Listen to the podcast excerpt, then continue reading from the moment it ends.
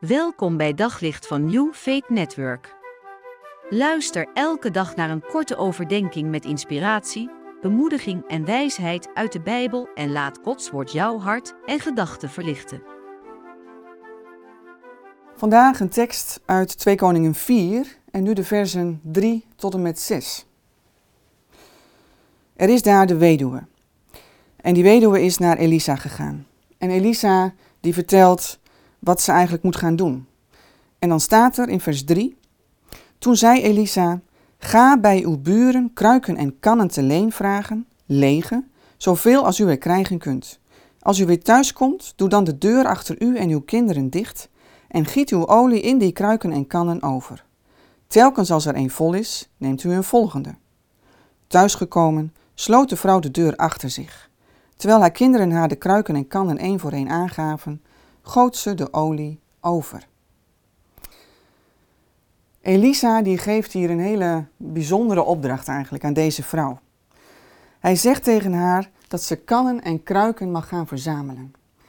En niet maar zo even naar de buren om even een paar lege kannen en kruiken te vragen. Nee, zoveel mogelijk. Dus eigenlijk wordt haar hele omgeving erbij betrokken. Maar het maakt ook dat ze eigenlijk opnieuw weer door die kwetsbaarheid heen moet om bij de mensen aan te kloppen en te vragen om die lege kannen en kruiken. En dan doet ze dat. Zoveel mogelijk verzamelt ze er. En dan komt ze thuis en dan geeft Elisa de volgende opdracht. En dat doet ze ook, dat volgt ze precies op. Ze sluit de deur achter haar en haar kinderen. En dat vind ik zo bijzonder dat Elisa die opdracht geeft. Sluit de deur achter jou en je kinderen. De kinderen worden erbij betrokken. Die kinderen die eigenlijk ja, bijna door die schuldeisen worden opgehaald en als slaven zullen worden ingezet. Maar die kinderen die gaan zien dat ze eigenlijk daarvan bevrijd gaan worden. Door het wonder wat hier gaat gebeuren. En dan zegt Elisa ook, sluit de deur. En waarom? Omdat dit een heilig moment is. Stilte, ruimte voor dit heilige moment. Geen pottenkijkers, geen smoezende buren, geen cynische blikken.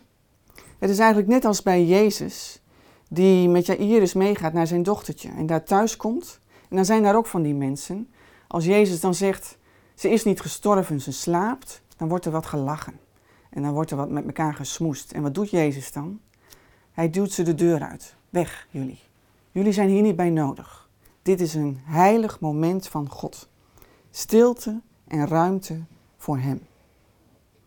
En zo mogen wij ook elke keer weer God opzoeken, stil worden, de deur achter ons sluiten, ons eigenlijk ook afsluiten voor alles wat er maar om ons heen gebeurt en wat ons kan afleiden. En dan wil God zichzelf openbaren aan jou, zichzelf laten zien.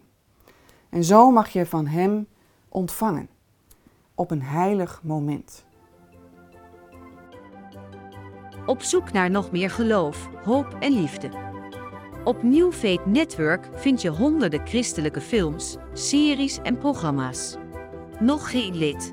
Probeer het 14 dagen gratis op newfaithnetwork.nl.